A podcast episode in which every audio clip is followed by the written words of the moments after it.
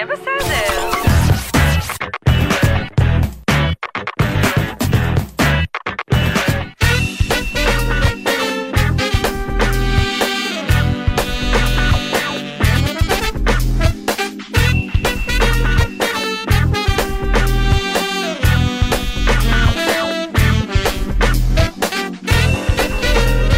מה קורה? מה העניינים? בגדר הסביר. סליחה שלא הייתי פה סליחה אתמול, על אבל השימוש זה לא- במילה סביר. כן, מה? סליחה שלא הייתי פה אתמול, אבל אה, זה לא... האוטו בסדר? האוטו בסדר, ש- הייתה שם אה, אה, תקלה הרבה יותר פשוטה ממה שחשבתי. מה, הוא פתאום הפסיק לנסוע באמצע הדרך? יפ. כאילו את לוחצ... לוחצים על הגז אתה והוא... לוחץ על הגז והוא מאט, ואתה מריח את הרפידות של הבלמים נשרפות, אוקיי. זה- וזה מפחיד. וואי, זה נורא מסוכן, בכביש מהיר זה היה, נכון? No kidding. כן, זה היה באיילון, צפון, בדרך אוקיי. לפה. וואו, זה היה מפחיד לאללה. אוקיי. עכשיו, אה, סייר של אה, נתיבי איילון, שאחריו הגיע גם אה, אה, רכב של נתיבי איילון. ידידים חמודים, מהממים, אמרו שלצערם הם לא יכולים אה, לעזור בעניין הזה. אה, משטרה הגיעו מאוד מאוד מהר וליוו אותנו למקום אה, בטוח. מה זה ליוו? צריך, הייתם פשוט צריך לעצור בשוליים, כמה שיותר בשול. שוליים, ברור, עצרתי בשול, ומשם נגרר, לא? אוקיי. כן. אז ככה, מה? נתקענו שם באחת וחצי. כן, שעה קרירה ומלבבת. נהדרת, כן. אה, הזמנו שירותי גרר. אוקיי. עכשיו אני נותנת לך לנחש Mhm. באיזו שעה הגיע הגרר. אני מניח שזה אחת מהחברות האלה שכולם אה, מבוטחים אצלם. אה, נכון, זה, זה ביטוח קולקטיבי. כאילו זה משהו כמו אה, הבטחה או התחייבות, נדמה לי זה, זה עד ארבע שעות או משהו בסגנון. אז נחש כל... שזה כיף גדול. אחת וחצי פתחנו קריאה. מתי הגיעו? חמש. שוב, נחש שוב. יותר מאוחר כאילו? אוקיי, נו מה, מתי? נח... נו, תן לי שלושה ניחושים. שבע, מה אני כאילו... שלוש... שבע זה המקסימום שלך? כן. תשע וחצי בערב. שמונה שעות. לא הייתם שם שמונה שעות. אבל. נראה לך? לשמחתי, בעלי עובד שני מחלפים משם. וואלה. כן, ואז השוטר כפרה עליו, נתן לנו טרמפ אליו לעבודה. פעם ראשונה שנסעתי בניידת משטרה, שזה נורא כיף. אוקיי. אמ, וזהו. שמונה שעות. לא עכשיו, תקין. תאר לך שזה לא היה באזור עירוני. תאר לך שהייתי במקום שכוח אל. שמונה שעות? כן. כאילו את אה, באיזה כביש חשוך בנגב, לבד, בצד כן. הדרך. מאחד עזוב. וחצי בצהריים עד תשע וחצי בערב. בדיוק. שווה? עכשיו, אין לך ברירה, אלא להשאיר את המפתח שם. מה יקרה אם מישהו יבוא ויגנוב את הרכב? זה על אחריות החברת גרירה? מה? שאלה מה... לא, אם את תקועה לבד באמצע כביש חשוך וזה, אז גם אין לך לאן לעזוב את האוטו. נכון. נכון, זה מה שאני אומרת. במקרה שלי, אלא אם כן, אני לא יודע אם זה אופציונלי להזמין מונית בטלפון או בגט או משהו. נון צדיק, שתיקח אותך למקום מבטחים עלום. נון צדיק ליד הגמל. כן. קיצור, כיף. כן. אוקיי, אה, האמת שזה, טוב, רציתי, נעשה את זה מחר, מחר, לא, מחר אה. אין תוכנית, יש אה, יום בית משפט, אה, עילת הסבירות, כל היום. אז אין תוכנית מחר, כן, יום שידורים מיוחד, גם גלי צה"ל, כמו אני מניח בכל כלי התקשורת.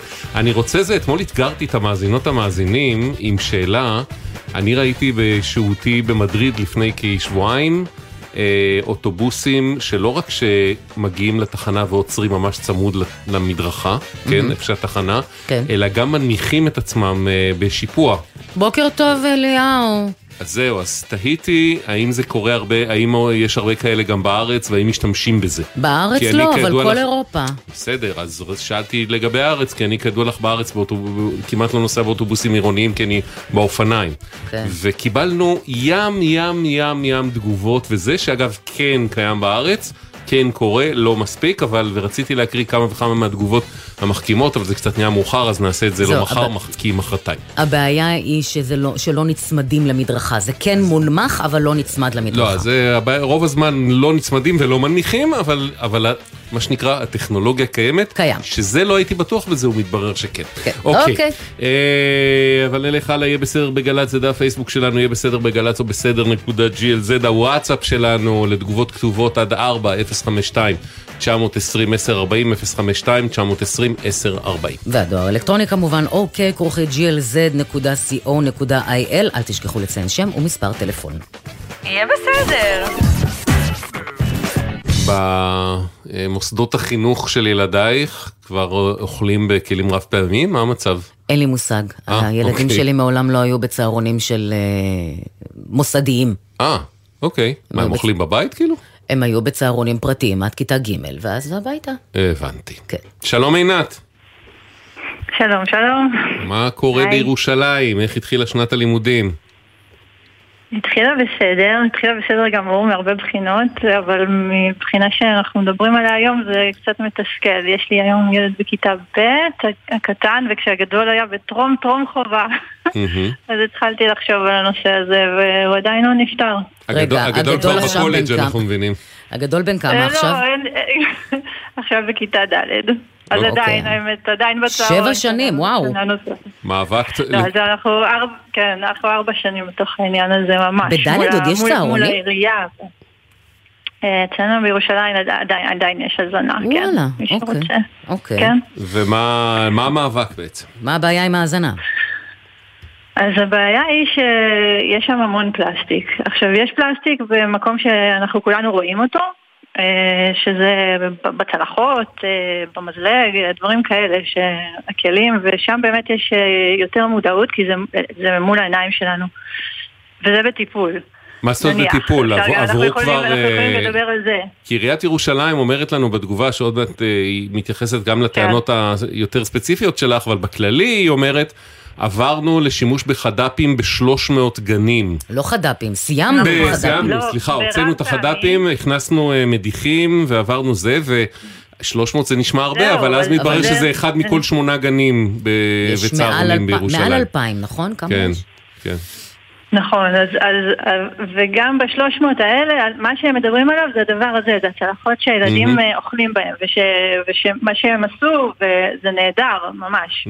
אה, זה העניין הזה של לעבור לכלים רב פעמים, בכלי הסועד, מה שנקרא. כן. ושיהיו מדיחים, ו, וזה החלק שאנחנו רואים.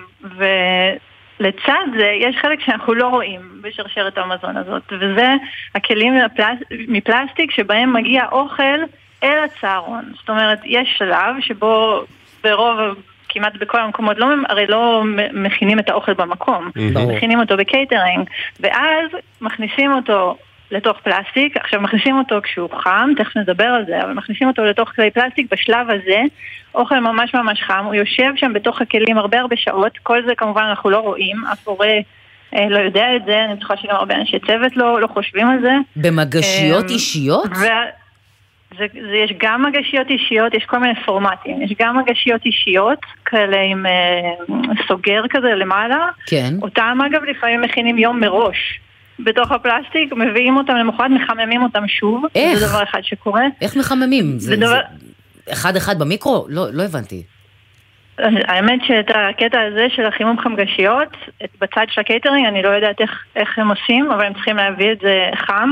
מהמם. אמ, ועוד עוד אה, סוג של הגשה ושינוע זה בכלים מפלסטיק גדולים יותר, מין אמבטיות כאלה. מה, כמו אה, כמו אלה. שהעלינו, ששלחת לנו תמונות והעלינו עכשיו בדף פייסבוק שלנו? זה נקרא אמבטיה? אה, זהו, לא- לא ראיתי מה, כאילו, לא ראיתי אחד עם מטריות, אחד זה עם נראה לי שהועית זה ירוקה. בדיוק, בדיוק, שהועית ירוקה ויטריות כאלה.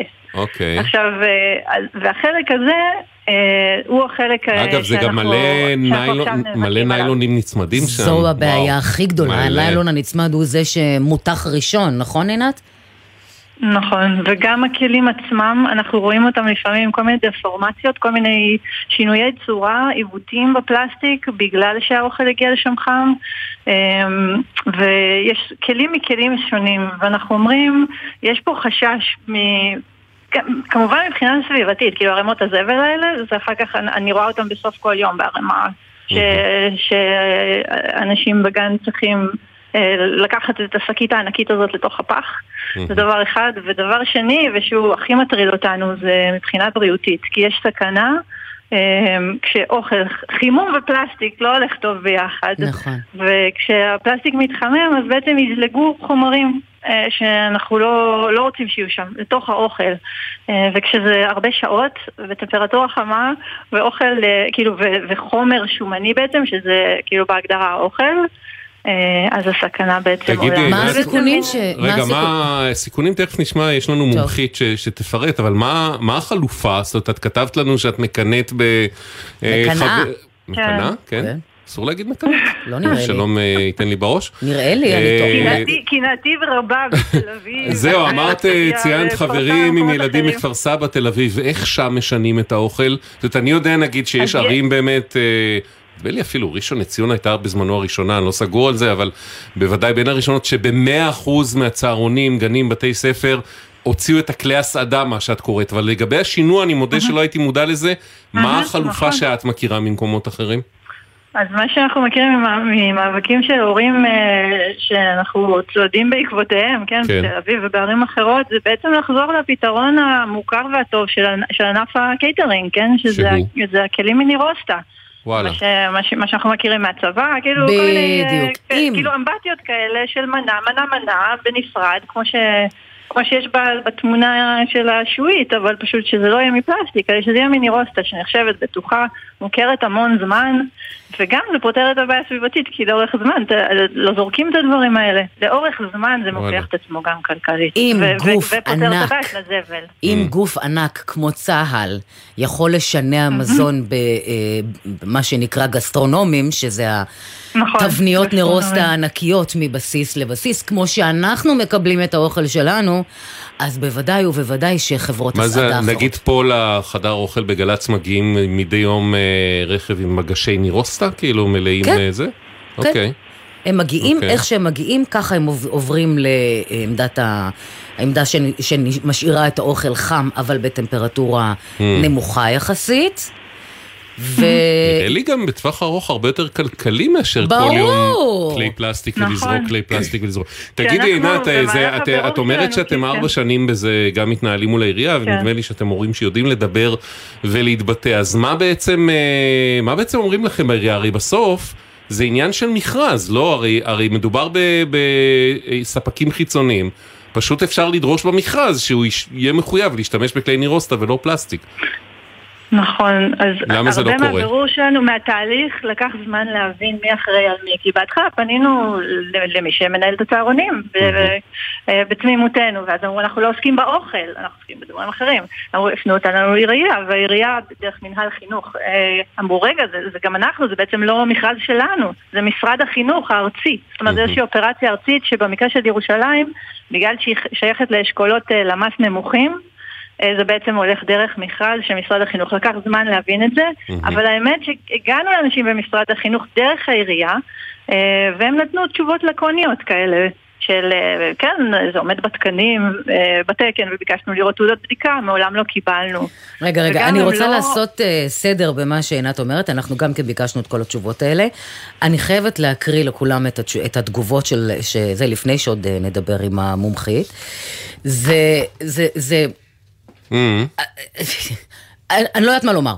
אני באמת לא יודעת מה לומר, יגידו מאזיננו ותגיד עינת ותגיד אחר כך. מה אומרת. עיריית ירושלים? החל משנת הלימודים תשפ"ד יוצבו, יוצבו מדיחי כלים בכ-300 גני ילדים ברחבי העיר, ובכך יאפשרו מעבר אה, לאכילה בכלים רב, רב פעמים. בכל הקשור להובלת המזון לגני הילדים, עיריית ירושלים פועלת לפי ההנחיות של משרד החינוך, אשר ממונה על חברות הקייטרינג השונות ועל הגשת המזון עד לגני הילדים ובתי הספר. Okay. התגובה הבאה היא של... משרד החינוך. הנושא ייבחן בשנית. עם זאת, משרד החינוך פועל בנושא בהתאם להנחיות משרד הבריאות. כלי הפלסטיק עומדים בתקן המבוסס על דרישות תקנות האיחוד האירופי ועל דרישות ה-FDA. התגובה הבאה היא של... הבריאות. נכון, המקב. אחד מפנה לשני לשלישי. המוצרים בהם נעשה שימוש אה, עומדים בדרישות תקן ישראלי 5113. לא צפוי כל סיכון עקב השימום, השימוש בהם. אישורי ההתאמה של אריזות הפלסטיק נבדקים על ידי מפקחי משרד הבריאות במסגרת הביקורות השגרתיות. התגובות השגר... הזה הם של מכון התקנים הישראלי. רגע, אה, יש גם מכון תקנים? זה מה שאני אוהבת. וואו. הרי, מה הקטע? יש, אומרים- יש גורם במדינת ישראל שתמרה לא דיברה איתו על זה? לא, אין. אוקיי. יש את הביקורות השגרתיות של מכון התקנים. מה מכון התקנים הישראלי אומר? Mm. התקן הישראלי הוא אימוץ של התקינה האירופית העדכנית. Mm. מאחר והתקן הוא אימוץ של תקינה אירופית, ומאחר ובאירופה אין דרישה לסימון אופי השימוש במוצר, אין דרישה גם בישראל. כאילו אנחנו עושים, זה תשובה אגב זה, שאנחנו עושים אחד copy הוביל paste. לשני, אוקיי, שהוביל רגע- לשלישי שאמר אין. בסוף, בסוף, בסוף, יש פה את השאלה הבסיסית, האם זה טוב לילדים או לא טוב לילדים. שלום דוקטור חגית אולנובסקי, מומחית לניהול סיכוני בריאות וסביבה. שלום נעמי, שלום אביב, שלום עינת. תודי שגם משהו השעת. בואו נתחיל אה, לאט לאט לעשות סדר mm. בכל התגובות, כי כולם צודקים וכל אחד אה, בעצם מעביר את הבעיה לכיסא, שיפול בכיסא בינו לבין המשרד האחר. Mm-hmm. קודם כל צריך לברך את משרד הבריאות ומשרד הכלכלה על זה שב-2019 בעצם עודכן התקן, תקן הישראלי 5113 לבטיחות של כלי פלסטיק להגשת מזון ומשקה, הוא עודכן ובעצם הוצמד התקן האירופאי או האמריקאי, אמ, ובעצם ככל שהתקן האירופאי מתעדכן, כך גם התקן הישראלי מתעדכן, כך שהתקן מצוין. אם ככה, אז תסבירי לי בעצם את התגובה של מכון התקנים שאומר, אם באירופה אין דרישה לסימון אופי השימוש במוצר, אז גם בישראל אין דרישה? אני קטונתי מלהתחיל אה, בכלל לפרט את כל ההשוואות בין ישראל לאירופה, mm-hmm. ההתנהגות של הישראלים היא מאוד שונה מהתנהגות של אירופאים. אני יכולה להגיד שבאירופה החשיפה של הילדים לכלי אוכל מפלסטיק היא קטנה מאוד, כי שם מבשלים במטבח מקומי או מרכזי, מעבירים בגסטרונומים, אה, למעט ילדים עם אלרגיות מסכנות חיים, אף... רגע, אה, תשכילי אותי, מה זה מעבירים בגסטרונומים? מה זה גסטרונומים? מה שהסברנו לך אוקיי. עכשיו, הנרוסטה הגדול. אה, הנרוסטה זה קוראים לזה גסטרונומים? כן, מה גם שבבתי אוקיי. ספר בחו"ל שיש הזנה בצהריים, מבשלים שם, בקפיטריה. או מחממים, אבל הייתי במפעל המזון אה, העירוני, לדוגמה, של מוסדות החינוך במילאנו, שמגיש 80 אלף מנות ביום, וחד משמעית, המנות היחידות שנארזות בכלי פלסטיק הן מנות לילדים עם אלרגיה מסכנת חיים, שחייבות להישמר אה, בבידוד מוחלט מכל מגע של מזון אחר. Mm-hmm. אבל שאר המזונות נארזים בגסטרונומים, כלי אה, נירוסטה, שהבעיה העיקרית איתם בישראל זה שהשינוע שלהם, שינוע הלוך חזור, אה, עולה יותר כסף, והם צריכים להשתף בשטיפה מאוד אה, אינטנסיבית. במפעל המזון לפני שנעשה בהם שימוש חוזר. רגע, אבל השינוע, אבל השינוע אפשר בעצם, אתה משאיר כלים היום ואוסף את המגשים מחר. על אותו כלי נכון. רכב, למה זה עולה יותר כסף? אני מבין את השטיפה, השטיפה היא תמיד לב הבעיה, הרי גם בגלל זה הכניסו את המדיחים בעניין של הכלי הסעדה, כי נכון. השאלה הייתה מה הגננות המסכנות, ובצדק, יעמדו וישטפו כלים של 30-40 ילדים, אה, רצו לחסוך את זה, ואז הכניסו את המדיחים, אבל מה, אז יש את הבעיה של השטיפה, אבל... במפעל עצמו, כן. שבו מבושל המזון, צריך לארגן עוד חדר נפרד, זה לא אותו חדר שבו שוטפים את הירקות והפירות, או את אוקיי. הבשר לפני ההכנה, זה חדר נפרד עם ציוד מיוחד, אה, לשטוף גסטרונומים גדולים ולייבש אותם היטב אחרי השטיפה. אוקיי. זה דורש עוד היערכות של המשרד. חגית, עכשיו בואי רגע נלך באמת לצד הבריאותי, כי בסוף בהרבה דברים, בדיוק והתחלת מהמחמאה, בהרבה דברים זה מה שאנחנו דורשים, שהתקן בישראל וההתנהלות בישראל תהיה כמו באירופה.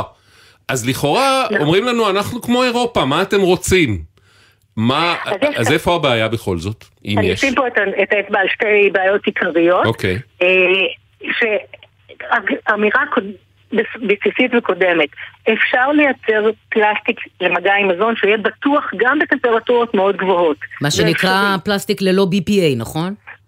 לא, לא, זה לא קשור ל-BPA, יש הרבה מאוד מזהמים, זה פלסטיק שפשוט הוא, הוא מבחינה מכנית אה, מאוד מאוד מחזיק בתוך הפלסטיק את כל החומרים שלא יזלגו mm-hmm. ממנו למזון. אבל גם אפשר. פה מדובר בעניין של עלויות, זה הרבה יותר יקר, לא? בדיוק. קצת okay. אוקיי. יותר יקר, לא הרבה יותר יקר. עכשיו, מהתמונות שפרסם, מהתמונה שפרסמתם uh, בפייסבוק, mm-hmm. אני רואה שהמגשית עצמה, השחורה, היא כנראה כן מחומר כזה, mm-hmm. uh, שנקרא סיפט, uh, אני לא רוצה להיכנס לפרטים הטכניים, אבל זה חומר שכנראה, אה, לפחות מבט חיצוני, מתאים לטמפרטורות גבוהות, אבל הציפוי, אה, היריעה השקופה, לפחות אה, בתמונה של במכל השעועית, חד משמעית, משהו שם לא עבד כמו שצריך, או שזה היה בטמפרטורה גבוהה מדי, או שהייתה פגיעה מכנית, כי ארזו את זה בנוסף עם ניילון נצמד שלא אמור כן. להיות חשוף לחום. לא, אבל באחד מלמטה עם הפסטה באמת רואים שיש את העטיפה הזו שכביכול אה, כן. מהדקים אותה בגיהוץ כזה.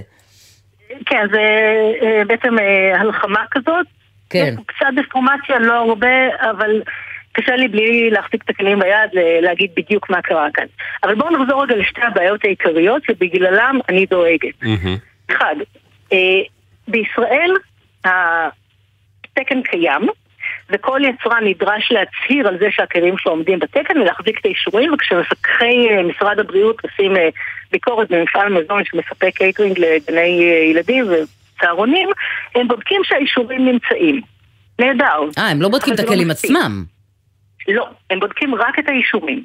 הבעיה היא שהאישורים, בעצם אה, אישורים שמוציא, אה, בדיקות מעבדה שמוציא מכון התקנים, או מעבדת הפלסטיקה של הטכניון, שאלו שתי המעבדות היחידות בישראל שמורשות אה, לבצע בדיקות תקן, בעצם היצרן או היבואן של הכלים מצהיר מהו השימוש המיועד. לדוגמה, הכלי מיועד לשימוש עם מזון חם עד 80 מעלות למשך שעתיים. אבל אף אחד לא בודק שלא חיממו את זה במאה, זה מה שאת אומרת לנו. ולמשך חמש שעות. בדיוק. או שזה היה כלומר, יש הבדל בין התקן לחומר לבין האם מישהו בכלל יודע, מקפיד להשתמש בו נכון, והאם מישהו מפקח על זה, ואם לא, אז בעצם זה שיש תקן לחומר לא שווה לנו כלום, כי זה לא נכון. התנאי. הנה, אוקיי. בגלל זה לא, מה שאמרו נכון. מכון התקנים. באירופה אין דרישה לסימון אופי השימוש, אז גם בישראל אין דרישה לסימון Mm. אופי השימוש רגע, במוצרים. ותחזרו לתשובות של, אני חושבת, משרד הבריאות, אולי משרד החינוך, הם כותבים ככל שנעשה שימוש בהתאם לייעוד של הכלי, למה Mm. שנבדק במכון התקנים, אז השימוש נחשב כבטוח. זאת אומרת. בעצם, בעצם זה אומר לנו, בהתקיים מלן תנאים בדרך ושימוש נכון שאף והקפדה לא על 1, 2, 3, 4, כן, משרד שכידוע אנחנו בישראל זה לא בדרך כלל ב-100% קורה, אז הכל בסדר, אבל אם זה לא מתקיים, את אומרת לנו, אז אולי עדיף נירוסטה. חשוב להבין למה Mm. היצרנים, הקייטרינגים, בעצם מספקים את המזון בטמפרטורה כל כך גבוהה. על מנת, הרי זה לא שהילדים חייבים את האוכל מאוד חם, אצלי בבית הילדים אוכלים כושר כי לא רוצים שהוא. יתקלקל והילדים יחטפו קלקול. קיבה, יש פה איום מהצד השני הרי, בדיוק. נכון? בעיקר במדינה חמה כמו שלנו. בדיוק. במדינה, זאת אומרת, בזמן ארוחת הצהריים, שתיים בצהריים, אם מגיע מפקח משרד החינוך, תבורן, הוא מכניס מדחום לתוך הפסטה או השעועית, הטמפרטורה חייבת להיות מעל Mm. 65 מעלות. אם היא 64 מעלות, המשלוח פסול והקייטרינג נקנס. וואלה. לכן, כשהוא מוציא את זה בבוקר מוקדם, וחלק מהדברים האלה מבושלים לפנות בוקר, הם חייבים להיות בטמפרטורה מאוד מאוד גבוהה. מה שאומר שגם האוכל יושב בתוך הפלסטיק המון המון המון שעות. שעות בטמפרטורה לא מאוד כשהוא יושב גבוהה. הוא מטולטל בטנדר. או במשאית, אה, וזה עוד יותר מגביר את הזריגה. ורק נגיד בשורה חגית, אה, דוקטור חגית אולנובסקי, כי כאילו דילגנו על השלב הבסיסי הזה, שפלסטיק כשמתחמם עלולים לזלוג מתוכו כימיקלים, בעצם בהתפרקות עלולים לזלוג מתוכו כימיקלים, ואם אנחנו אוכלים אותם, בעיקר ילדים, עלולות להיות לזה השפעות בריאותיות לא משהו, נכון? בוא זה- נאמר את זה לשם ככה. כך התכנסנו, זה הבסיס של הדיון. בוא נאמר את זה ככה, נכון. אחד הדברים הבסיסיים של כל אה, מבשלת, זה אם הסיר שלך נשאר על הגז ביום חם מהבוקר עד הערב, את זורקת. לכן את הסירים, אנחנו ממליצים את המזון החם שנשאר, להכניס למקרר כשהוא עדיין חם. כן. פעם לא היו עושים את זה כי המנוע של המקרר היה מתעייף. אז אני מחזיקה במקפיא בקבוקי חצי ליטר אה, משומשים עם מים קפואים, וכשאני מכניסה סיר חם למקרר על מנת שהמזון לא אה, יתקלקל בחוץ, אני שמה לידו כמה בקבוקים קפואים. בואנה. זה מקצוענית, ממש. זה מקצוענית. אמא שלי עדיין בקטע של אל תכניסו למקרר, הוא ימות. כשהוא חם. לא, לא, תכניסו למקרר לא מיד, אבל אחרי שעתיים לכל היותר, זו גם ההמלצה של משרד הבריאות, לא יותר משעתיים בחוץ. ואני כמובן ממליצה לא להעביר לכלי פלסטיק את המזון החם, אלא להכניס אותו בסיר או בתבנית שבו בושל, ופשוט לרפד אותו קצת במים קפואים. זאת אומרת, משרד. הבריאות אומר לא להשאיר יותר משעתיים בחוץ את, הנירוסטה, אז על אחת כמה וכמה את הפלסטיק? אחלה טיפ. אם לסכם, את אומרת, אה, באופן יחסי, עושים עבודה טובה בלשמור על הילדים מקלקול קיבה, שזה נזק בטווח נכון. הקרוב, קרוב. שמחר שוכחים נכון. ממנו, אבל עושים עבודה הרבה פחות טובה בלשמור על הבריאות שלהם מפני חומרים מזיקים שעלולים לפגוע נכון, בבריאות בטווח הארוך. צריך להבין, זה לא וזה בשמיים, trade שאני לא בטוח שהוא טוב לנו. ולילדים שלנו, כן. נכון, אוקיי. כי הילדים הישראלים, אני רק רוצה במילה אנחנו אחת, בשורה כן. אחת, את ההבדל בין הילדים הישראלים לאירופאים. הילדים האירופאים אוכלים בכלים רב פעמיים, מזון שהובא בכלים שהם לא מפלסטיק. הילדים הישראלים אוכלים 50 שבועות בשנה, חמישה ימים בשבוע, בכלי פלסטיק, מזון שהובא הם כמעט בכל המקומות בישראל בכלי פלסטיק. זו חשיפה עצומה. ולכן אסור להשאיר את זה בין הכיסאות או בין המשרדים, ולא מדובר פה על הוספת מערך פיקוח אה, גדול, מדובר פה באמת על תשומת לב לעוד פרט אחד חשוב. ובעיקר בשינוי תנאי מכרז, אה, ועם המשמעויות נכון. שנגזרות מזה. נכון. דוקטור חגית אולנובסקי, הארת את עינינו כרגיל. תודה, עינת. אה, תשמעי, מסתתר בתגובה של משרד החינוך כאילו בוחנים שינוי, אבל בואי נגיד בין זה לבין שינוי בפועל, לא בטוח שזה יקרה מחרתיים, נגיד ככה. אנחנו היינו רוצים שהם יעשו את זה כבר בתשפ"ד, כן. ואנחנו לא רואים את זה קורה. כן, כן. זה רק עניין של החלטה פשוטה, באמת, כמו, ש... כמו שאמרתם. Okay. אוקיי. טוב, תמשיכי אה, יחד עם חברייך ההורים וההורות בירושלים אה, במאבק הזה, כי אתם צודקים, תכלס. ואנחנו אה, נמשיך כן. ללוות אתכם, בסדר? תודה רבה רבה על הכל. תודה רבה עינת, ותודה רבה כאמור לדוקטור חגית אולנובסקי. איפה מה? הימים שהיינו ילדים והכל היה מוגש בכלי מלמין? אתה גם לא יכול לשבור בזה, גם זה רב פעם. זה מלמין? מלמין זה... אותי עכשיו. זה הפלסטיק המאוד קשה. הבנתי. זה שלא נשבר? שלום מיקי. שלום שלום. אוי, איך אני אוהבת שיחות וואטסאפ. איפה אתה? בחו"ל? בקרקוב, בפולין, כן. וואלה. נעים? מה, טיול? טמפרטורלית? מעולה. כן, טיול, טיול נעים מאוד. יפה קרקוב, יפה קרקוב כמו שאומרים? קרקוב מדהימה. וואלה. מדהימה, ממש כיף פה. במסגרת יהיה בסדר לא, מטיילת לא, בעולם. יש כזה קטע, יש כזה קטע שאני מדי פעם שומע אה, אה, סיפורים וזה כמה קרקוב יפה ושווה. כל פעם שזה עולה כאפשרות אולי לנסוע, עושים לך פרצוף, מי רוצה לנסוע לפולין, לקרקוב, מין דעה קדומה כזאת. מה, אנחנו נוסעים אני... לפולין על ימין ועל שמאל. אני לא מדבר על אה, סיורי מחנות של התיכונים. נכון. אני מדבר על טיול את יודעת, כמו, אוקיי, ניסע ללונדון, ניסע לקרקוב, אני כאלה. מנסה לשכנע את משפחתו, את בעלי, ללכת לעשות טיול שורשים בפולין, לא מסכימים. אמ, אז טוב. אני כל כך נהנה שאני שוקל לעשות רילוקיישן לפה, זה ממש... מה אתה אומר? וואלה, עד כדי כך. מה אתה אומר? בכל מקרה, כן. אה, בלי קשר או עם קשר, עשית רילוקיישן להוט, נכון? הודעת להם... בדיוק, לא, לא ניסיתי לפחות. מה כן. קרה? ספר. בסוף מאי בערך החלטתי, הגיעו אליי סיבים לבניין, אמרתי שאני מתנתק מהם, וגם הטלוויזיה כבר אני פחות משתמש. ואמרו לי, יפה, תודה, וזה דווקא הסתדר בצורה נעימה יחסית הפרידה. ומאז שסיימנו את התקשורת בינינו, הם אה, מחזרים אחריי ומתקשרים אליי מספר פעמים בשבוע, לפעמים פעמיים שלוש ביום. ומבקשים, מתחננים שאני אחזור, ומציעים לי כל מיני הצעות. אני מקווה שאין לך ארנבת. אלה שמתקשרים אה, יודעים שהיית ועזבת, או שמתייחסים אליך כן. כאל מגויס פוטנציאלי? כן, זה שימור לקוחות. כן, כן, הם אומרים, אנחנו יודעים שהיית ועזבת ולאן עברת ואולי תחזור, וזה לא אתה זה אני וכל מיני כאלה. רגע, ואתה אומר להם פעמיים, שלוש ביום, או לפעמים, אה, ובכל מקרה כמה פעמים בשבוע, חבר'ה, עזבתי, עזבו אותי באימא שלכם, תסירו, תסירו את המספר שלי, ביי. ומה הם אז, אומרים? אז אמרתי להם uh, כמה פעמים לא תודה, והמשיכו להתקשר, ואז מדי פעם אני גם מסנן אותם, ולפעמים אני לא שם לב, וגם באמצע הישיבות בעבודה זה מפריע בזה. Mm-hmm. ואז uh, אמרתי להם, תקשיבו, אני פשוט לא מעוניין שתתקשרו אליי יותר, תפסיקו מזה, ובצורה הכי ברורה ואסרטיבית שאני יכול. כן. וזה לא עזר. לא, לא עוזר, הם ממשיכים להתקשר. אגב, יש חזרתיות של האנשים, או שזה נציגים שונים כל פעם, כל מספרים יום? מספרים אחרים כל פעם, זאת אומרת, גם לחסום את המספר זה לא בהכרח יעבוד, כי זה מספרים שונים לא ונציגים שונים. כן. למי יש טלפונים לא לחברת תקשורת? טוב, פנינו להוט ושאלנו אותם למה הם מנסים למיקי. ואומרים לנו, הוט מחויבת למתן שירות מיטבי, וכך גם תמשיך לפעול. המקרה תוחקר וטופל במישרין מול הלקוח. עכשיו הזמן יאמר לנו עד כמה זה... באמת אפקטיבי. קיצור, הם מבטיחים לרדת ממך. בוא אה, נראה. יש. כן. זה כבר, אתה מרגיש אה, שינוי או שזה, אנחנו כרגע בבחינה? האמת של...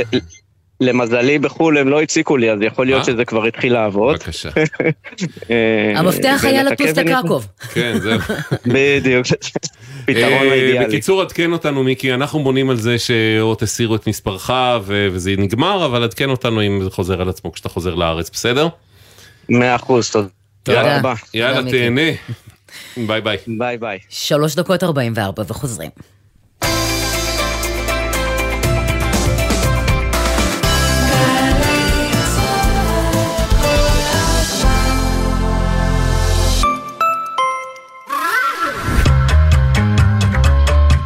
דקה ישראלית, השבוע דבש ודבורים לקראת ראש השנה, והפעם ראשוני הדבוראים. חלומם של המתיישבים הגרמנים, טמפלרים, שהגיעו ארצה במאה ה-19 וציפו לפגוש ארץ זבת חלב ודבש, הוביל למפח נפש. אל מול היצע היבול הדל כתבו קללה רובצת על ארץ זו, שבה דבש וחלב אינם יכולים לזוב עוד. את התמונה שינה המיסיונר האירופי הנרי בלדנסברגר, שהביא ארצה את רזי הדבוראות המודרנית, ובראשם שימוש מהפכני, כוורת עץ מתפרקת, שאפשרה לרדות ממנה את הדבש, מבלי להוציא את נחיל הדבורים. את המכוורת הראשונה המודרנית יסדה משפחתו ב-1881 בכפר ארטס, סמוך לבית לחם. משם, מצויד בכוורות, נדד בלדנספרגר בארץ לטור אחר פריחות לדבורים שלו. כך הגיע אל אדמותיו של ראובן לרר בנס ציונה, שניחוחות פריחת הדרים נשבו מהן. אלא שבלדנספרגר נאלץ לעזוב את הארץ, והוא העביר ללרר את כוורותיו. על אף שהיה אלרגי לדבורים, הקימו ראובן לרר ומשפחתו עסק מצליח, ועם הזמן הפכה נס ציונה למרכז ייצור הדבש בארץ, עוד בטרם החלה המאה ה-20. על פי נתוני מועצת הדבש, מיוצרים בארץ כ-4,000 טונות דבש בשנה, ב-120 אלף כוורות. זו הייתה דקה ישראלית על דבש ודבורים וראשוני הדבוראים.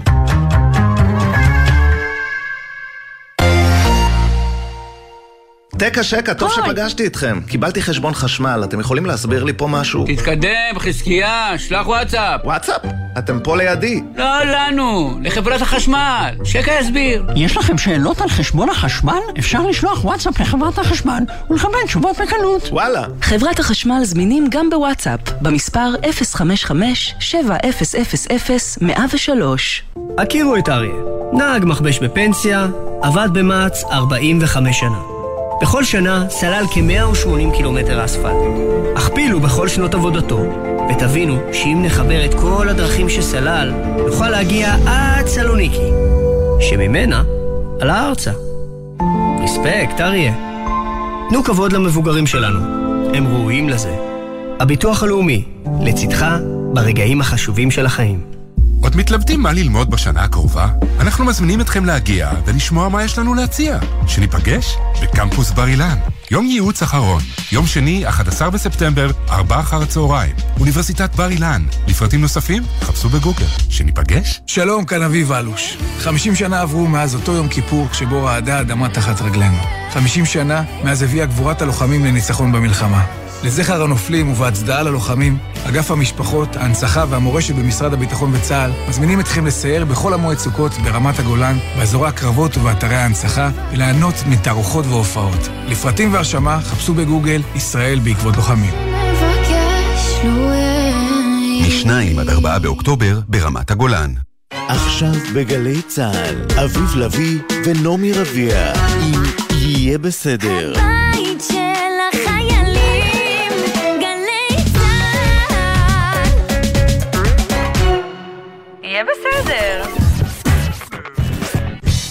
שבנו מלא תגובות. מלא, על החד פעמים, גם בוואטסאפ, נכון? גם בפייסבוק, על העניין של אה, מה קורה ב... תן בוואטסאפ. אה, זה אה, מישהו כותב, מישהו או מישהי, מי ישטוף כלים לא מעשי, זה כלים שלא נכנסים במדיח, נירוסטה, מדיח רגיל, מי יאסוף אותם חזרה לחברת הקטרינג? הם. ל- או לטעמי אותו אחד שהביא אותם. יום למחרת מישהו הוא אבל מביא אומר כלים, משהו לוקח את הקודמים. מפתיע ומטריד, שזה בניגוד אגב למה שאני יודע ומדיווחים אפילו שקיבלתי בתחילת שנת הלימודים הזאת, עדיין בצהרונים של תל אביב משתמשים בחד פעמי, למרות שיש מדיחים, אה, למרות שיש מדיחים. איפה, אם אתה מוכן או מוכנה לשלוח פרטי, מיקום ספציפי, נבדוק את זה, כי כל האינדיקציות טובות אחרת. הייתי, שמחה להעיר, מישהי אחרת כותבת, שגם ביוקנעם האוכל מגיע בצורה כזו בפלסטיק, התשובה שקיבלנו שזה ההנחיות כדי שהוא יהיה סגור עד ההגשה, וכלי האוכל רק בגנים הם רב פעמים, בבתי הספר חד פעמי, וכרגע לא מוכנים להניע למעבר רב פעמי. היי, לפחות ועוד- בגן. ועוד ועוד ועוד. זה גם משהו. כן. תשמע, עמית כותב לנו בפייסבוק, הוא אומר, Mm. "אה, כל הכבוד על היוזמה, אני חייב לשאול מה עושה המשרד להגנת הסביבה. אז קודם כל, המשרד להגנת הסביבה הוא זה שיזם. קצב מדיחים נכון. לאלפי גנים בישראל. נכון, אז זה כבר. צריך להגיד. אה, והוא אומר, אם כבר, מה לגבי חקיקה שתעצור את בזבוז הפלסטיק האדיר שחברות המזון מייצרת לחינם, סתם כדי שהמוצר יראה גדול יותר. אה, רווחים גדולים במארזי עוגיות ו- ו- וכולי. אה, על הדרך, יו, תקשיב, כאן הוא ממש תפס אותי. על הדרך, אולי גם תחייבו אותם להיפטר מהסלסלאות בתוך הגבינה הבולגרית והמכסים על הגבינות הרכות למיניהן. אם אפשר לשווק יוגורט בלי מכסי פלסטיק, למה לא קוטג'? צודק! שאלה מעניינת, אני חושב שזה שומר יותר על אורח חיים של הזה, אבל אה, כן. לא, אני גם- אבל- אני גם שונא את הפלסטיקים האלה. הסלסלאות, אה, בשביל מה צריך אותו? יהיה בסדר בגל"צ זה דף פייסבוק שלנו, יהיה בסדר בגל"צ או בסדר נקודה glz, הוואטסאפ לתגובות כתובות עד 4, 052-920-1040, 052-920-1040. הדואר האלקטרוני אוקיי כרוכית glz.co.il, לא לשכוח שם ומספר טלפון בגוף המייל. פינת המעקב. לפני מספר חודשים שוחחנו עם ליסה, חברה של אה, שרונה שעלתה ארצה מארצות הברית לפני שלוש שנים וחצי בשל תיק פלילי שנפתח בשמה על עישון קנאביס. רשות האוכלוסין וההגירה לא מכירה בה כאזרחית. מה שאני יודעת, אני מקווה שאני מדייקת בפרטים, אבל זה סדר גודל של 20 גרם מריחואנה בארצות הברית, אה, ועשר שנים פלוס מינוס, לא רוצה להיכנס לזה, אבל בסדר, יש לה תיק פלילי שם. היא עד היום לא מצליחה לקבל את המעמד של אזרחית ישראלית. שלוש שנים היא כבר בארץ. עכשיו, אם אני זוכרת נכון, בזמנו שרונה הייתה קרובה ללידה, נכון? אה, אכן אכן, אהלן ליסה. כן, היי אביב, היי נעמי, צהריים טובים. מה שלומך ובעיקר מה שלום שרונה, גם ביחס ללידה וגם ביחס לאזרחות. כן, כן, אז יש כמה ציוני דרך, אז Mhm. ברוך השם אה, נולד לה תינוק לפני חודשיים. מזל טוב. ו- תודה, תודה, אני אמסור לה. והיא קיבלה את האזרחות שלה בסוף אוגוסט, היא קיבלה את תעודת הזהות הנחשפת. פשוט יום, קולולו. יום אחד הגיע טלפון, מ, או מה הגיע מרשות האוכלוסין וההגירה וזימנו אותה אל הלשכה תראה, לקבל אני- אזרחות? אני, אני, אני לא רוצה להרוס את החגיגיות. אבל גם בשלב הממש ממש סופי של הדברים הם הצליחו לתקוע כמה מצות בגלגלים. למה? כי אה, זה- התקשרו ביום אה, רביעי אחד, אמרו לה, שרונה, תבואי מחר, יש לך תעודת זהות. אוקיי. אמרה, אני עם תינוק, במקרה בעלה היה מחוץ ל- ל- ל- לארץ כמה ימים. אני לא יכולה, מהיום למחר אמרה לי, טוב, תבואי ביום ראשון. הבחור ממשרד הפנים ממש דיבר איתה בטלפון, אמר לה, תבואי ביום ראשון, אני פה לתת לך את התעודת זהות. אוקיי. וכשהיא הגיעה לירושלים, עשתה מאמץ להשאיר את התינוק, להזכיר לכם שהיא גרה מאוד, צפון, מאוד. היא הגיעה למשרד הפנים בירושלים, והבחור לא היה, ולא היה אף אחד אחר שהיה יכול לעזור. שידע במה מדובר? אוי אוי. אז עוד שבוע, ואתם יכולים לתאר לעצמכם, באמת, זה כבר, די, עד כמה אפשר. אבל הסאגה תמה. אחרי יותר משלוש שנים, מדינת ישראל החליטה שהמאפיונרית הגדולה, הקרימינלית, לי- אה, שרונה, אה, יכולה להיות אזרחית ישראל בשעה טובה ומאוחרת. היא גם נכון? יכולה. לטוס לחו"ל, כן. לבקר את ההורים שלה ולחזור בשקט, שגם זה דבר שנמנע ממנה לפני כן. כאילו, כן. אנשים לא יכולים לדמיין כמה דברים נמ- נמנעים מבן אדם שאין לו כאן מעמד. אכן עוד ואכן. מעט הבחירות. אכן ואכן. יכולה אה, להצביע. אבל בחירות כן. לעיריות, את מתכוונת? כן, כן, לא ידענו. חשבתי שאולי קרה משהו בשעה האחרונה שאני לא, לא ער לו. לא, אה, גם בשביל זה אתה צריך ליסה, להיות אנחנו אזרח, לא? שמחים אה, אחרי כל החתחתים האלה, אה, שזה יסתיים, דש לשרונה, ושוב מזל כן, טוב. תודה. אני, אני, אם אפשר עוד משפט אחד רק. בבקשה. רוצה לנצל את זה. סיפור הוא לא רק של שרונה. מהמם. ואני הייתי באמת רוצה, מעל גלי האתר, בתוכנית הנהדרת שלכם, אם מישהו יכול להרים את הכפפה, אני, יש לי זמן, אני חצי פנסיונרית, אני באמת מוכנה להירתם לדבר הזה, לעזור לאנשים, דווקא אלה ש... כשיש להם קשיים מסוימים, כי לעמוד מול משרד הפנים לבד זה בלתי אפשרי. ואיכשהו לגלגל את המנגנון, לשמן אותו, את כל המערך הזה של משרד הפנים ונפש יש, בנפש. יש לרשות האוכלוסין וההגירה מנכ"ל, קוראים לו אייל סיסו, זה התפקיד שלו, ואנחנו מקווים שהוא מקשיב לדברים ויפנים אז אותם. ויבצע אותו. כי אני אה, הבטחתי mm. לשרונה, וגם היא רוצה פשוט להקל על עוד עולים פוטנציאליים כן. שלא יצטרכו לעבור את מה שהיא עברה. על הכיפאק, מעריכים את זה מאוד. בסדר? ליסה, תודה. טוב. תודה לכם. ביי ביי. אה, שלום אבנר. שלום וברכה. אה, כן, הרבה הרבה הרבה זמן. אוטו יש בתכנון, אבל כל מה שצריך לבוא עם האוטו... תלאות. תלאות תלאות, נכון? תלאות, תלאות, תלאות. ספר לנו. אה, יש לי בן, היום הוא כבר בן 11, נולד עם אה, מחלת ניוון שרירים, למה טו, אה, וצריך גם רכב. רכב לניידות כדי שנוכל, אה, הוא מתנייד עם אה, כיסא גלגלים, כן. ואין לנו רכב, וכל פעם שאנחנו צריכים ללכת לאיזשהו מקום, אני לוקח אותו ברכב הפרטי שלי, אה, מושיב אותו על כיסא של תינוק, ומחזיק לו את הראש כל הנסיעה, כי הראש שלו לא יציב, הראש שלו לא, הוא- אין לו יכולת להחזיק את הראש שלו. אה, לא את אוקיי. הראש ולא את הגוף, ולא... פשוט מאוד, אה, ואיך- אין לו יכולת. איך אה, הוא בעצם מתנייע ממקום למקום שלו ברכב, עם תומך ראש שלא- על כיסא? לא, יש לו את הכיסא גלגלים שלו, ובכיסא גלגלים יש לו תומך ראש וכל מה שצריך. בבוקר לוקחים אותו עם אה, רכב, וכמובן שמתאים לצרכים שלו, יש הסעה מה, מהמועצה האזורית שלנו לבית ספר, הוא לומד בבית ספר רגיל, והוא חוזר עם כיסא גלגלים, אבל כשאנחנו הולכים לאירוע או שבתות או כל דבר אחר כזה, הוא פשוט מאוד, העצמאות שלו לא קיימת, כי אין לו כיסא גלגלים ממונע, הוא צריך להיות מחובר לכיסא גלגלים אה, של יד שרה פשוט.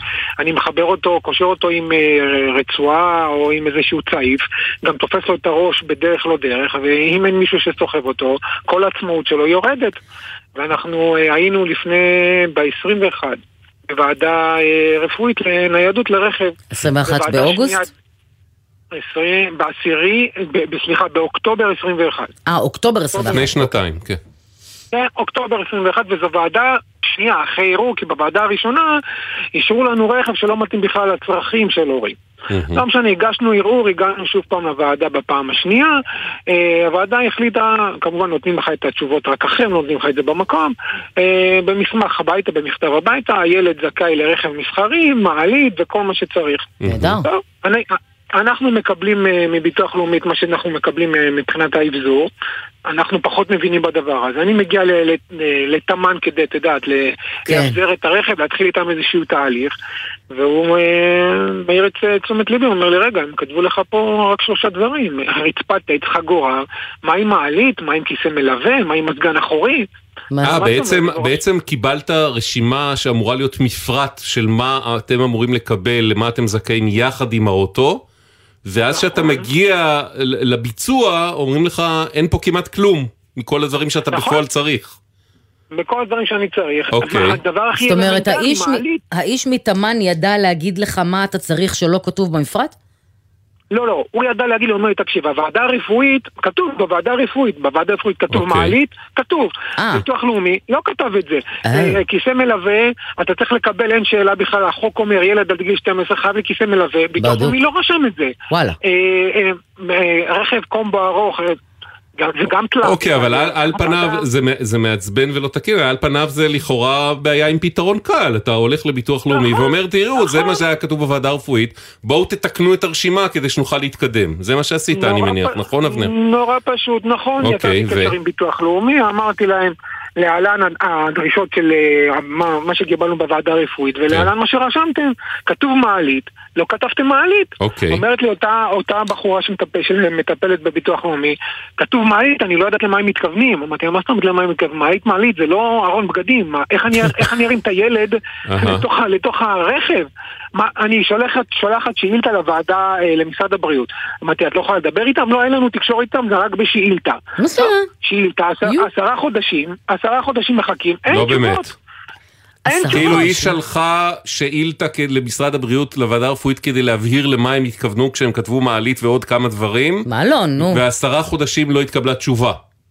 נכון, אני לפני כשלושה חודשים פלוס מינוס, יוצר קשר שוב פעם עם ביטוח לאומי, כי תמן כבר אני אוטוטו צריך לקבל את הרכב, ודרך. אגב, הרכב שהם אישרו לי, בזמנו אישרו לי רכב אופל קומבו ארוך שלא קיים במדינת ישראל, יצאתי קשר עם חברת אופל, אמרו לי לצערנו אין, אין רכב כזה במדינת ישראל כדי לספק לך אפילו לא בשנה, שנה וחצי הקרובות. אז למה אישרו דבר כזה, אם אין אותו? אין מה זה עוזר לך? אה, נפתרות, דרכי האל. אמרו לי, אתה רוצה תזמין רכב אחר, תשלים כסף מכיסך. אמרתי, אין בעיה. הוספתי כ-30 אלף שקל מכיסי כדי לקבל פולקסווגן קאדי ארוך. אין אוקיי. בעיה. הלכתי, הזמנתי, הוספתי כסף. מהמם. לפני כשלושה חודשים, אני פונה שוב פעם לביטוח לאומי, אומר להם, נו, מה קורה עם זה? עדיין לא קיבלנו תשובה, תפנה אתה לכוכבית 5400. אמרתי להם, אני אפנה לכוכבית 5400? אמרו, כן, אין לנו תקשורת איתם, תפנה אתה. אני פונה לכוכבית איזה 5400, אומרים לי, מה אתה רוצה מאיתנו? זה, זה ביטוח לאומי. כאילו, מה זאת אומרת? ביטוח לאומי שלח אותי אליכם. עוד פעם, מכדררים אותי מפה לשם, לא. מפה. א- אחרי, אחר כך כוכבית 5400, הגעתי. לאיזושהי... זה משרד אה, הבריאות. נכון, הגעתי כן. שם למרבד או משהו כזה, אמרה לי, טוב, אתה רוצה, תגיע אלינו שוב פעם לוועדה הרפואית ב- בתל אביב, ואז אה, לא, לא, "אוקיי, לא, לא, לא, אתה לא מתכוון לעבור את כל הדבר הזה מההתחלה. בוודאי שלא. אמרתי לה, נראה לך שנגרור עוד פעם את הילד שלי על מה שאתם כבר אישרתם כדי לקבל את מה שמגיע לי מלכתחילה?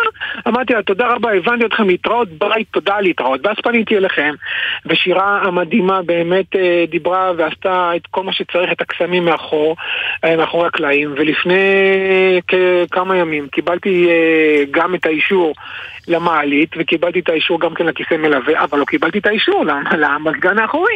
די, נו. רכב ארוך צריך מזגן אחורי לילד, אני שמתקשרים אליי מביטוח לאומי אחת הפקידות, אומרת לי אוקיי, אישרנו לך זה וזה, אמרתי לה אוקיי, ומה עם מזגן אחורי? זה רכב ארוך.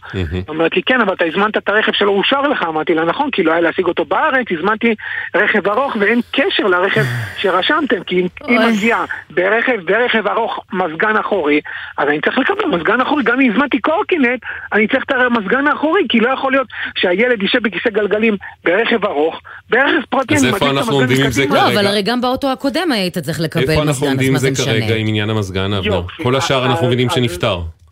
כל הזמן זה נפתר, גם המזגן האחורי, אחרי שדיברתי עם אותה פקידה, אמרה לי, תן לי לבדוק, היא בדקה, חזרה אליי לאחר כחצי שעה, אומרת לי, תקשיב, אישרנו לך גם את המזגן האחורי, ואנחנו מטפלים לך גם בזה, וזה, אישרתי לך גם את זה, ובאמת, דובר לציון גואל, ובאמת אישרו את הכל,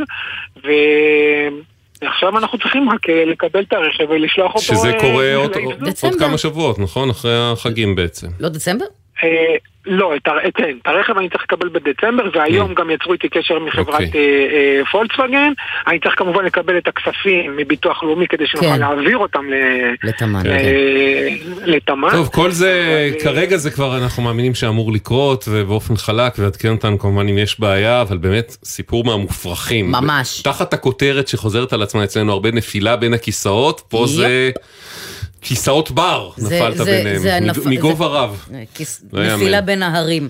אה, בהצלחה, אמן, אה, אמן שזה ייפתר וייגמר כמה שיותר מהר. המון המון המון תודה, ואני רוצה להגיד פה באמת מילה טובה לשירה שעשתה פה באמת מעל ומעבר, אה, ותודה רבה לתוכנית שלכם, אתם באמת עושים טוב, וטוב שאתם קיימים. אחלה אבנר, תודה רבה, וכאמור, אם יש עוד מכשלות בדרך, אל תהסס. להתראות, ביי ביי, שנה טובה. שלום נפתלי.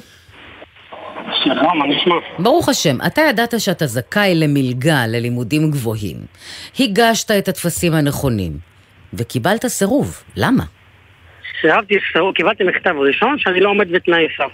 נכנסתי לאתר של המלגה, וכתוב שכל התנאי סף זה להיות סטודנט. אה, שלחתי ערעור, כתבתי להם ערעור באתר שכנראה יש להם טעות, וזהו. ואז אחרי כמה ראיתי שמעודכן שאחד הסיבות שיכול להיות שאולי בסמסטר א' אתה בסטטוס על תנאי, באישור לימודים.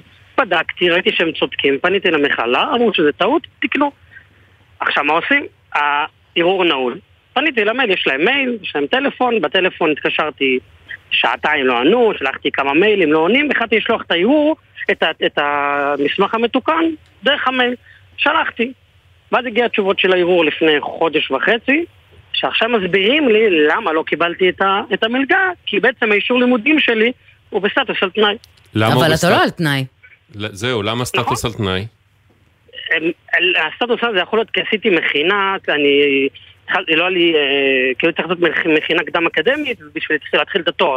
אבל כן. סיימתי אותו עוד לפני הלימודים, אז בעצם אני לא על תנאי. טעות של המכללה, בסדר, הם תיקנו לי את זה, הביאו לי את זה חותמת כמו שהמלגה דורשת.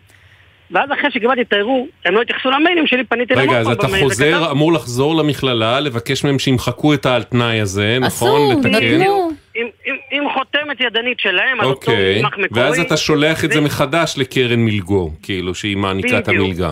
אוקיי. הבעיה היא ששלחת את זה בנפרד מהערעור. לכן הם לא קיבלו, כן, נכון? הערעור- בדיוק, הערעור הערעור היה נעול. עכשיו, אני לא הבנתי מה, למה לא, לא, לא קיבלתי את המלגה ולמה אני נדחה, כי הם כתבו רק שאני לא עומד בתנאי סף, הם לא פירטו לי. בערעור. קיבלתי תשובה יותר מפורטת, ששם כבר כתוב לי בגלל שזה אישור לימודים, למרות ששלחתי להם במייל.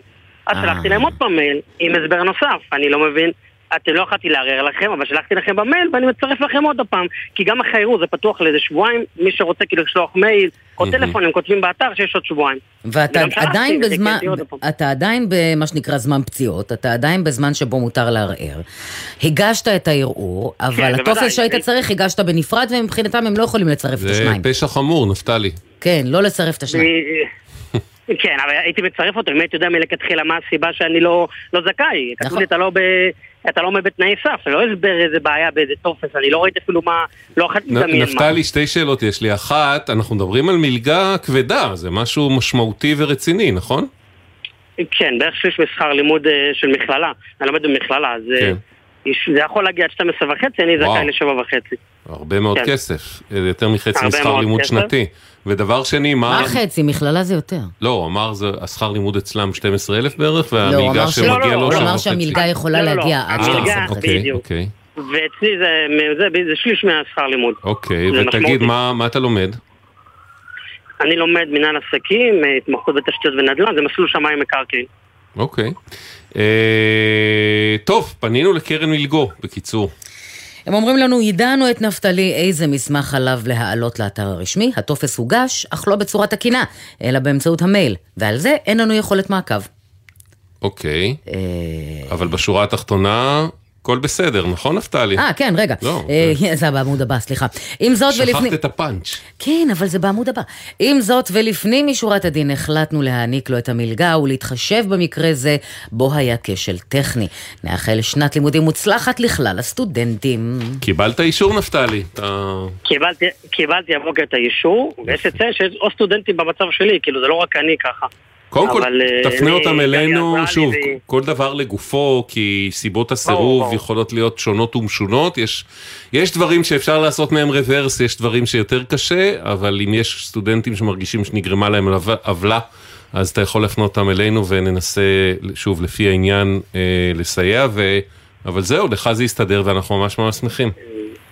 כן, צריך להגיד תודה לגליה שעזרה ועשתה עבודה טובה, באמת כל הכבוד לה. אכן. כבוד לה ולכם ולתוכנית. נפתלי, תודה, שנה טובה ואחלה שנת לימודים. תודה רבה לכם, שנה טובה. ביי ביי. יהיה בסדר. תודה רבה לעורכת נועה בלויטה, לתחקירניות אביטל סלמון, תמרה דהן, גליה זרה ושירה אפרת, הטכנאי אורי בני ישראל, עורך הדיגיטל יוסי ריס, הדואר האלקטרוני, אוקיי, כרוכי glz.co.il, לא לשכוח לציין שם הטלפון. יהיה בסדר בגל"צ, זה דף הפייסבוק שלנו. רגע, רגע, רגע. תגיד, למה הסטיקר שלי יהיה בסדר על הפרצוף שלי בפייסבוק? מה נהיה? מה זאת את הסטיקר לפרצוף שלך? תסתכל, תעלה רגע למעלה. תגישי אה, קבילה בשלושה העתקים בפקס ונשקול להתייחס לסוגיה. אה, רגע, אמונה כותבת, משתמשים בצהרונים בכלי פלסטיק כי זה חד פעמי. זה עדיף על אלומיניום שהוצא ממערכת החינוך, אבל אין כלים מנירוסטה חד פעמיים וצריך יהיה לערוך שטיפת כלים בגנים שזה עומס עבודה. הכלים מנרוסטה הולכים לחברת ההסעדה, בגן כן. אוכלים לא, כלים אני רוצה להגיד חד- גם לאמונה. וגם לאחרים, ש... ש... יש, תמיד יש המון סיבות למה לא לשנות את המצב הקיים, נכון. ולמה זה. עובדה, באיטליה זה אפשרי. בכפר באנגליה זה סבא זה אפשרי. כן. אז גם בירושלים ובמקומות אחרים זה אפשרי. אני זה עדיין העמדה- לא הבנתי את זו הקטע העמדה שלנו של- לפחות. אנחנו נהיה פה ביום רביעי בשלוש עם לינוי, מחר כאמור, עילת הסבירות, בית המשפט, יום שידור מיוחד. שלום להתראות ביום א'. שלום, שלום. בחסות ביטוח ישיר, המציעה ביטוח נסיעות לחו"ל, אשר כולל החזר תביעות בביט עד 400 דולר כבר בזמן הנסיעה. כפוף לתקנון, איי-די-איי חברה לביטוח. בחסות אוטודיפו, המציעה מצברים לרכב עד השעה תשע בערב בסניפי הרשת, כולל התקנה חינם. כי כדי להחליף מצבר, לא צריך להחליף לשעות עבודה יותר נוחות. אוטודיפו. מה נשמע, נשמע, סוף השבוע,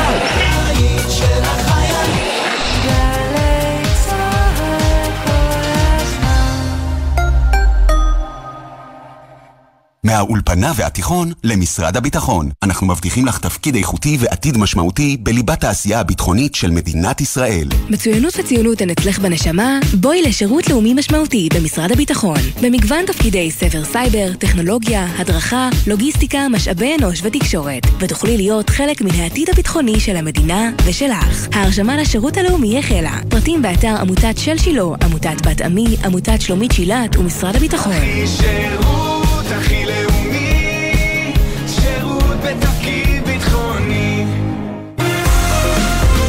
עמיתי קרנות השוטרים. אסום נדל"ן, הבונה בשכונת הבוסתנים החדשה בשדרות, ומציעה לעמיתי קרנות השוטרים מחירים ותנאים בלעדיים על מגוון דירות. לפרטים היכנסו לאתר קרנות השוטרים או חייגו כוכבית 2061. קרנות השוטרים קודם כל בשבילך שלום, כאן הדוקטור שלומי קודש, מנהל סורוקה, המרכז הרפואי האוניברסיטאי. הודות לסיוע של הקרן במיגון וברכישת ציוד רפואי, בית החולים ממשיך להוביל את שירותי הרפואה בדרום, וניצב בחוד החנית אל מול אתגרי האזור בחירום. הקרן לידידות, ארגון הסיוע החברתי המוביל בישראל, סייעה בשנה שחלפה לכשני מיליון בני אדם בתחומים רווחה, עלייה וקליטה, חירום וביטחון. הקרן לידידות, עושים טוב, נותנים תקווה.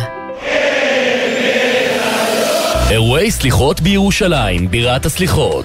גם השנה, כולנו נפגשים באווירה הקסומה של ירושלים, עם מגוון אירועים וסיורי סליחות ברחבי העיר. להתרגש מחוויה עוצמתית ובלתי נשכחת. לכל האירועים, דרכי הגעה וחנייה באתר עיריית ירושלים. לא חייבים לשלוט בלוח הכפל כדי להבין אם הילד כבר עבר את גיל תשע. עם פתיחת שנת הלימודים, חשוב לזכור, ילד עד גיל תשע אינו חוצה כביש לבד.